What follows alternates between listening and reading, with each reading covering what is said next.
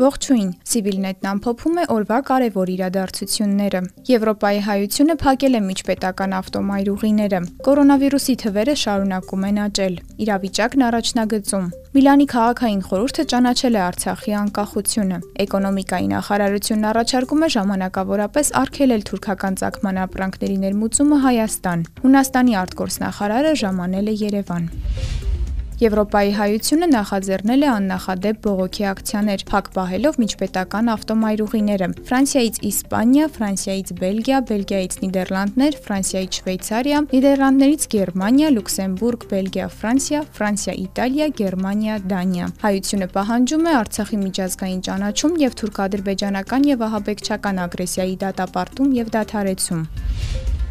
Հոկտեմբերի 16-ին Հայաստանի Պաշտպանության նախարարությունում տեղի ունեցել հանդիպում Հայաստանում Իրանի դեսպանության ռազմական կցորդ գնդապետ Բահման Սադեղինի հետ։ Կցորդը տեղեկացվել է, որ չնայած հայկական կողմի բազմաթիվ հորդորներին Ադրբեջանի զինված ուժերը շարունակում են կൂട്ടակումները եւ գործողությունների իրականացումը Իրանի Իսլամական Հանրապետության սահմանի երկայնքով, այդպիսով պատասպարվելով պետական սահմանով։ Իրանական կողմին եւս մեկ անգամ ներկայացվել է Ադրբեջանի զինված ուժերի գործողությունների Իրանի հետ սահմանից անվտանգ հեռավորության վրա տեղափոխելու անհրաժեշտությունը։ Արցախի պաշտպանության բանակի անունից փոխանցվել է, որ նշված հատվածում իրավիճակի անփոփոխ մնա ունենալու դեպքում Պաշտպանության բանակն իրեն իրավունք է վերապահում կործանիչ հարվածներ հասցնել տվյալ հատվածում գտնվող Ադրբեջանի զինված ուժերին, որի հետևանքների ողջ պատասխանատվությունը կրելու է Ադրբեջանի ռազմաքաղաքական ղեկավարությունը։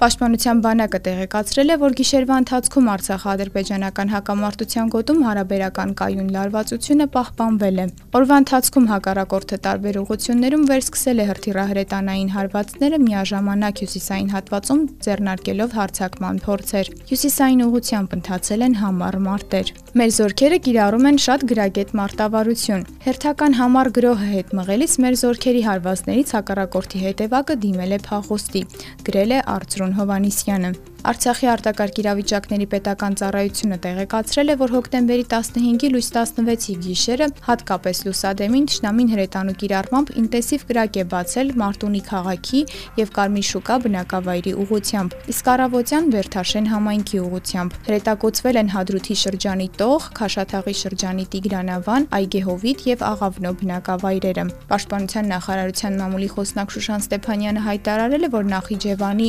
Օրդուբադ շրջանի ուղությամբ որևէ հրթիռ չի արձակվել։ Սա ադրբեջանական ռազմաքաղաքական ղեկավարության հերթական սուտն է, որը նպատակ է հետապնդում ընդլայնելու հակամարտության աշխարհագրությունը, գրել է նա։ Պաշտպանության բանակն այսօր հրապարակել է ադրբեջանական ագրեսիան հետ մղելու ընթացքում զոհված եւս 29 զինծառայողի անուն։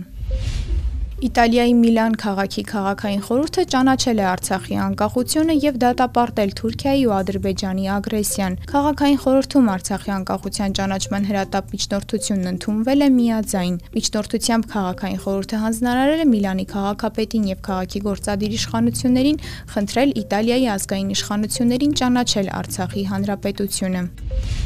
Հայաստանի էկոնոմիկայի նախարարությունն առաջարկում է ժամանակավորապես արգելել թուրքական ցակման ապրանքների ներմուծումը Հայաստան։ Ընդունվելու դեպքում որոշումն ուժի մեջ կմտնի դեկտեմբերի 31-ից եւ կգործի 6 ամիս ժամկետով։ Նախարարությունից հիմնավորել են, որ թուրքական ցակման ապրանքների ներմուծման սահմանափակումը ենթադրում է նախ եւ առաջ անվտանգային բաղադրիչ, քանի որ փաստ է, որ Թուրքիան բացահայտորեն աջակցում ու սատարում է Ադրբեջանին Արցախի դեմ սանձազերծած պատերազմական եւ ահաբեկչական գործողություններում։